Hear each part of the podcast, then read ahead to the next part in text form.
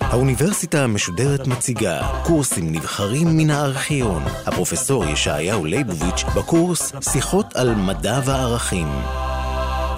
אנו פותחים בדיון ביחס שבין מה שמושג ובין המאמצים הנעשים כדי להשיגו.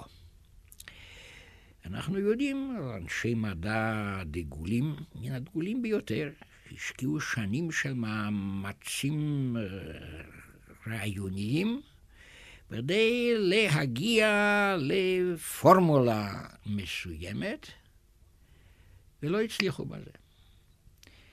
כן, בעלי המקצוע יודעים את הטרגיקה, כן, שהייתה בתקופת חייו האחרונה של איינשטיין. שהוא נתכוון, כן, להבהיר דבר יסודי בהכרת מדעי הטבע, ולמרות כל המאמץ האינטלקטואלי העצום שהוא השקיע בדבר הזה, ואם צריך להעיד על אלברט איינשטיין שהוא השקיע בזה מאמץ אינטלקטואלי ברמה גבוהה ביותר, הוא לא הצליח. ולכן אנחנו יכולים להעריך את uh, מאמציו, אבל אין כמובן שום ערך במעשה הזה, שבסופו של דבר זה לא הביא לשום דבר. בצורה ברורה עוד יותר, הדבר הזה מתגלה במדע השימושי. אם אנחנו מתכוונים לבנות מכונה מסוימת, אחר כך היא מתגלית כלא יעילה. אנחנו מבינים שכל המאמץ שהושקע בה היה חסר ערך. אולי אנחנו נשבח את בני האדם שהשתדלו לעשות את הדבר הזה, אבל זה כבר לא מתייחס לעצם ההשתדלות, אלא לתכונתם האישית.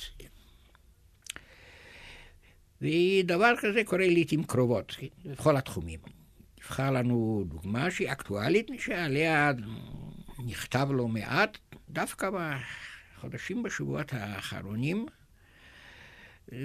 שאומנם מתייחסת למישור של המציאות החברתית, המדינית, התרבותית, שאיננו סימפתיה, אבל הוא חלק אינטגרלי של מציאות זו, כי בתחום החימוש.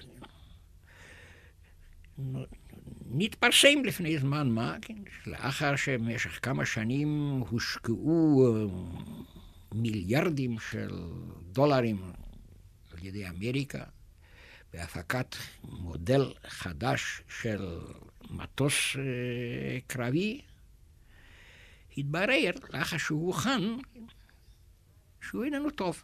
איננו טוב מבחינת uh, הקריטריונים הנדרשים למטוס uh, מפציץ או קרבי טוב. וכל הכסף שהושקע בדבר הזה ירד לטמיון, והחליטו להפסיק את בניית המודל הזה. ודומני שזה בא בעקבות כמה אסונות שקרו בניסויים שנעשו בדבר הזה. לשון אחר,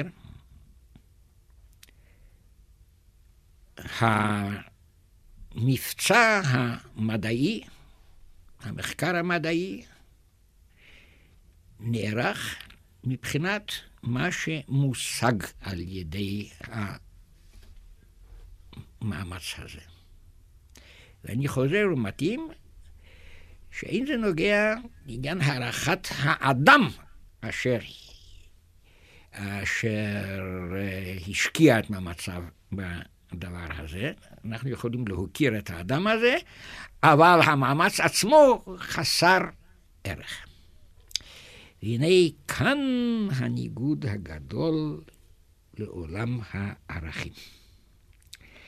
ההכרעה הערכית של אדם איננה תלויה בוודאות ואפילו באפשרות של הגשמתו של הערך הזה. וניקח דוגמה שהיא כוללנית ומקיפה ביותר. וניקח אותה הפעם מתחום מדעי הרוח והחברה, ולא ממדעי הטבע. נניח שאני יודע מהו המהלך של ההיסטוריה. אני רוצה מיד להדגים שאני לחלוטין כן שולל שיש לנו ידיעה כזאת, יותר כן אני חושב שידיעה כזאת גם לא תיתכן. אבל נניח, אנחנו מכירים הוגי דעות שהיו בדעה הזו, נניח שהם מצליחים להוכיח שיש להיסטוריה כיוון מסוים, שיש לה חוקיות אימננטית שמובילה אותה לתכלית מסוימת, שהיא ארגון מסוים של החברה האנושית ושל הסדר היחסים בין בני אדם ובין קבוצות בני אדם.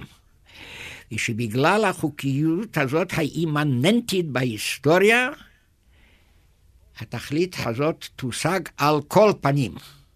מה שהאדם רוצה בו או מואס בו, ומה שהוא עושה מבחינת הרצון הזה או המיסה הזאת, זה יכול לעכב את הדבר הזה, זה יכול להקשות עליו, זה יכול להכביד עליו, או להפך, זה יכול להחיש אותו, לקרב אותו, אבל בסופו של דבר התכלית הזאת תושג.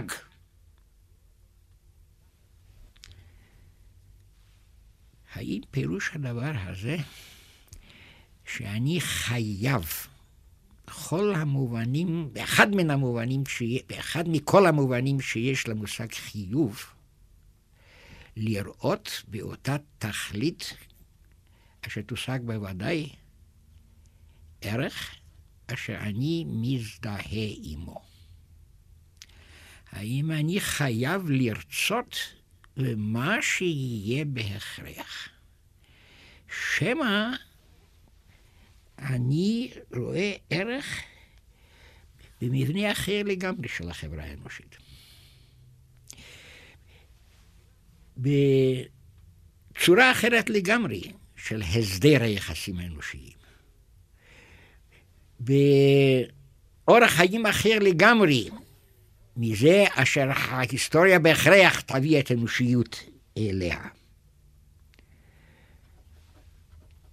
האם הכרתי ששאיפתי ומגמתי,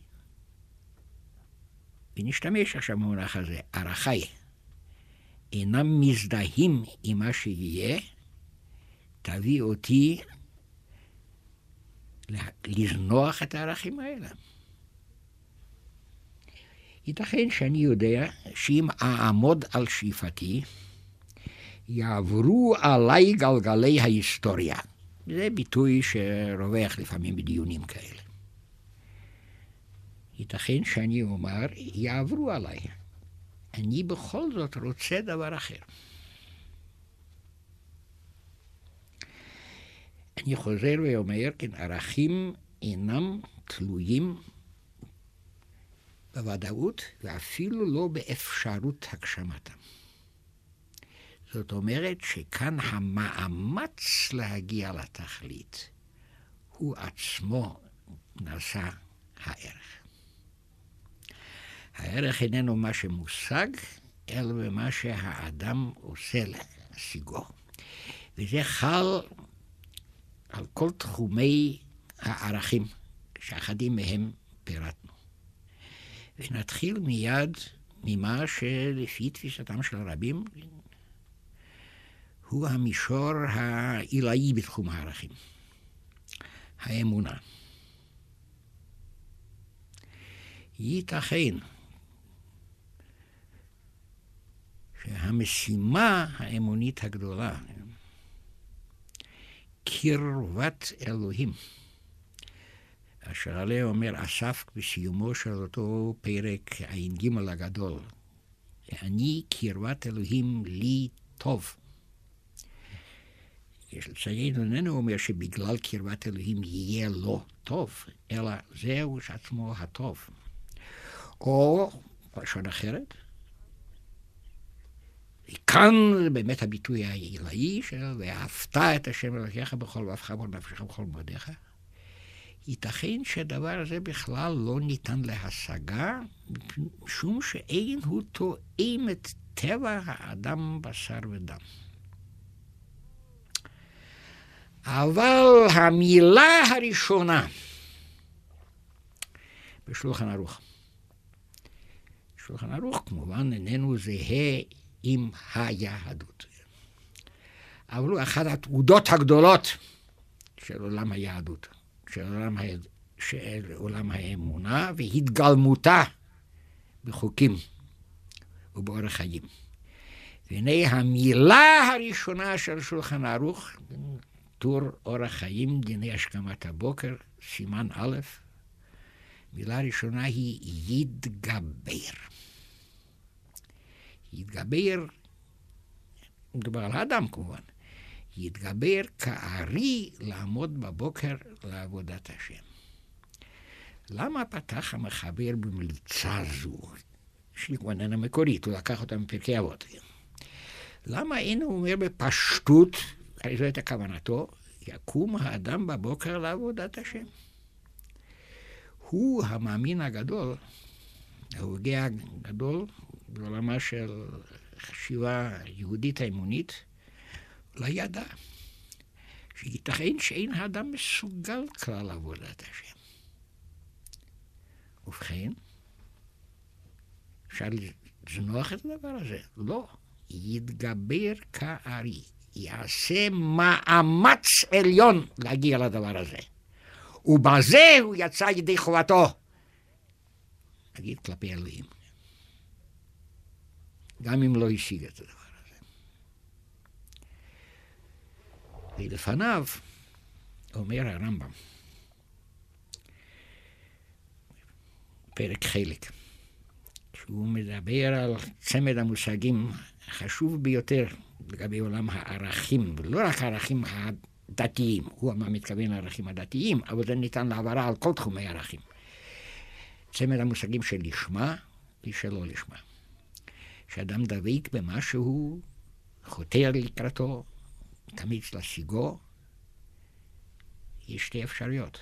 משום שהוא רואה בדבר הזה את הטוב, או משום שהוא רואה את הדבר הזה כטוב להשגת מה שהוא. כן, מקור המושגים האלה בעולמה של היהדות היא בהבחנה בין תורה לשמה ובין תורה שלא לשמה ביחס לתלמוד תורה. כן, האם אדם לומד תורה בכדי לדעת תורה, הוא חושב שעל ידי תלמוד תורה הוא ישיג מה שהוא. והיא כתכלית כמובן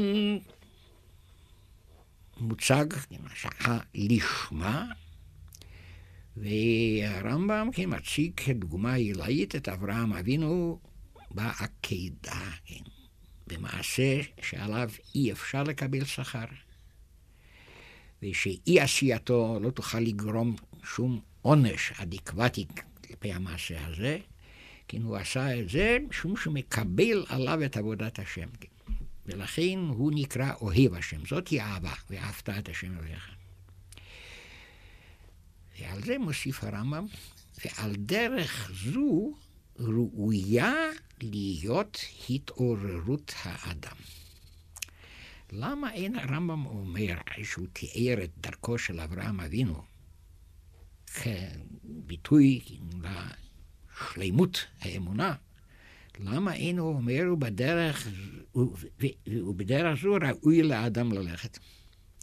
משום שהוא מוסיף אחר כך, שידע התורה שדבר זה קשה מאוד. ולא כל האדם מסוגל לזה, ולא כל האדם יכול להיות כאברהם אבינו, זה לשונו של הרמב"ם. ולכן, עכשיו אנחנו מגיעים ללשונו של הרמב"ם. על דרך זו ראויה שתהיה התעוררות. ייתכן שאדם לא יצליח לדרך זו, אבל יתכוון ללכת בדרך זו, גם אם לא יוכל ללכת בה. ואני עכשיו בכוונה עושה קפיצה מעולם ההגות היהודית להגות של גדולים וטובים באומות העולם. שעולם הרוחני והנפשי לכאורה שונה לגמרי מעולמה של האמונה של היהדות, והם, גם הם, כן, עומדים בכל עומק משמעותו של הדבר הזה, שערך איננו הדבר המושג, אלא ערך הוא אותו דבר שהאדם משתדל להשיגו. וההשתדלות עצמה היא-היא הגשמת הערך. ונזכיר רק אחדים מהם. נזכיר אחד מהם שמביע את הדבר הזה בצורה העילאית, שאפילו ניתן לומר יש לה קרבה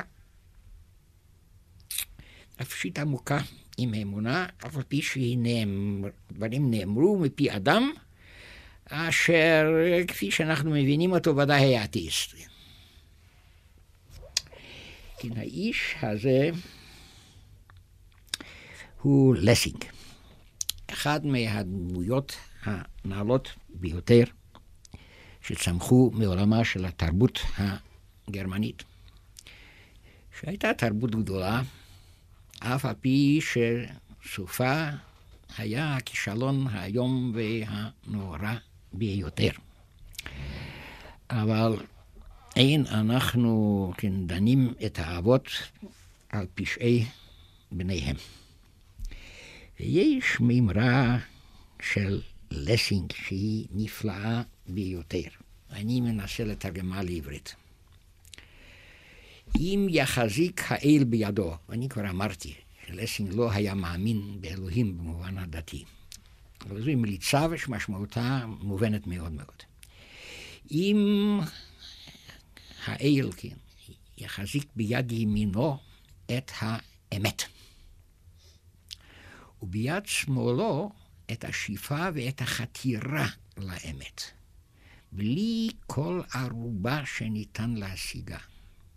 ואפילו עם החשש שלעולם לא תושג.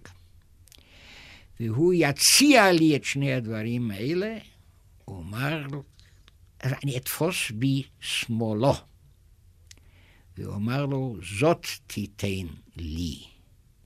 כי האמת היא לאלוהים לבדו, ולנו אין אלא החתירה לאמת, וזאת היא שלמות האדם. וזאת היא שלמות האדם. וברוח זו אמר גדול אחר מעולם התרבות הגרמנית, קצת צעיר מלסינג, שגם היה שונה ממנו. הוא לא היה ידיד היהודים והיהדות, אם כי ודאי לא היה אנטישמי במובן הבולגרי של המילה הזאת.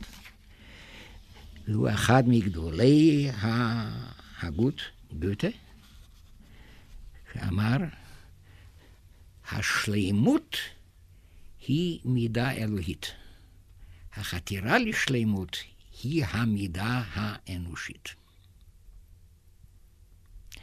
וכמה דורות אחריהם אמר ממש הלשון הזאת,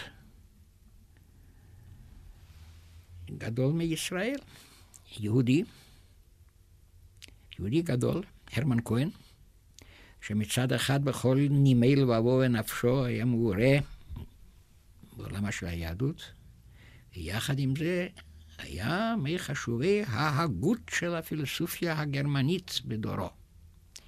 והוא אומר כמעט ממש את המילים האלה, שאין להעמיד במרכז הביקורת העצמית שאדם מבקר את עצמו, את ההישג שהוא משיג, אלא את המאמץ שהוא משקיע בכדי להגיע להישג הזה. המאמץ שהוא משקיע כדי להגיע להישג הזה. ואני מיד חוזר ועושה קפיצה אלינו. קפיצות אלה נעשות בכוונה, כדי להוכיח שההכרה הגדולה הזאת, שערכים אינם מותנים באפשרות השגתם, והם מתבטאים במאמצים שבני אדם עושים להשגתם, שההכרה הזאת משותפת להוגי דעות בעולמות שונים מאוד, בתנאי שהם באמת הוגי דעות. פסקל, אחד מגדולי ההוגים הקתוליים במאה ה-17, אומר, האדם חושב שמוטל עליו להגיע לאמת. האמת בכל המובנים. זה לא רק אמת של הכרה מדעית, הוא כולל באמת גם את האמת המוסרית. וכמובן הוא כולל בזה את האמת האמונית. לכן האדם טועה בחושבו שמוטל עליו להכיר את האמת. מה שמוטל עליו הוא לחתור להכרת האמת. כן, אנחנו רואים, כן, ראינו את הרמב"ם בקהיר של המאה ה-12, גדול המאמינים והפוסקים ביהדות, ואת פסקל הקתולי בפריז של המאה ה-17, והם אומרים אותו דבר. והם אומרים אותו דבר. ואם כבר התייחסנו לגדול צרפתי, אצטט כאן מימרה, שבאמת נאמרה בצרפת במסגרת תהליך היסטורי מסוים. אינני יודע מי טבע את המימרה הזאת. היא הייתה מקובלת כשני דורות לפני פסקל. בתקופת המאבק הנואש שניהלו ההוגנוטים הקלדיניסטים נגד המלוכה של בית ולואה שדיכאה אותם. המאבק הזה, שנמשך דור שלם, נראה כחסר כל סיכוי, אבל הם הוסיפו להיאבק. ומישהו טבע שם את המימרה, שגם אותה אני מתרגם לעברית. אם יש בין המאזינים יהודי צרפתית, כדאי שישמעו את הדבר הזה גם במקור. Point n'est nécessaire d'espérer pour entreprendre, de succès pour persévérer. אין צורך בתקווה בכדי להתחייב לפעולה מסוימת, ואין צורך בהצלחת המעשה בכדי להתמיד במעשה הזה. להתמיד במעשה הזה. ואנחנו, כפי שאמרתי, שוב, מדלגים. אנחנו מדלגים, ואני מגיע, כן, לרב קוק ולתלמידו הרב חלב. הרב קוק שנפטר לפני בדיוק חמישים שנה, ושמו כן, ידוע מאוד מאוד. תלמידו הרב חלב, שהיה רב בירושלים אחריו, ונפטר, אם אינני טועה, בערך לפני 25 או 30 שנה. והנה הרב קוק מתאים ביותר את העובדה הזאת, כן, שההריגה והחפץ הקבוע אל השלימות הם הם יסוד השלימות עצמה. ההריגה והחפץ הקבוע אל השלימות הם הם יסוד השלימות עצמה. ותלמידו, הרב חלב, בהגותו על שמונה פרקים של הרמב"ם, כותב כדברים האלה. זה מעניין מאוד. אני אקרא אותם כלשונם, והמאזינים יראו שזה כמעט מילה במילה. תרגום מדבריו הנפלאים של לסינג, ששמענו לפני עשר דקות. אין כל ספק שהרב חלק מימיו לא קרא את הדברים האלה, וייתכן שמימיו לא שמע בכלל על האיש לסינג. אבל הנה לשונו של הרב.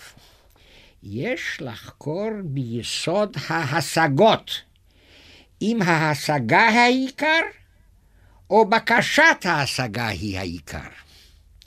על כורחך שהתשוקה היא יותר תכלית מעצם ההשגה. ובייחוד לפי מה שמבאר הרמב"ם. הזכרתי לכם שכל הדברים האלה אמורים בהגיונות על אודות שמונה פרקים של הרמב"ם. ובייחוד לפי מה שמבאר הרמב"ם שאין שום תכלית בעולם, רק הוא יתברך שמו בלבד. כי מה נותר לאדם? לחתור על הדבר. הרי יסוד המגמה הוא אך בקשת התכלית, ועלינו לבקר את בקשת החוכמה על השגת החוכמה.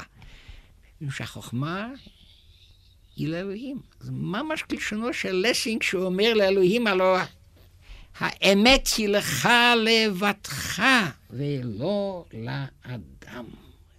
לעומת זאת, לא יעלה על דעת אדם לומר שמשמעותו של המחקר והמס המדעיים היא בעצם העובדה שהאדם משקיע מאמץ בדברים האלה, ואיננו תלוי באותה הכרה שהוא מגיע אליה על ידי המאמצים האלה.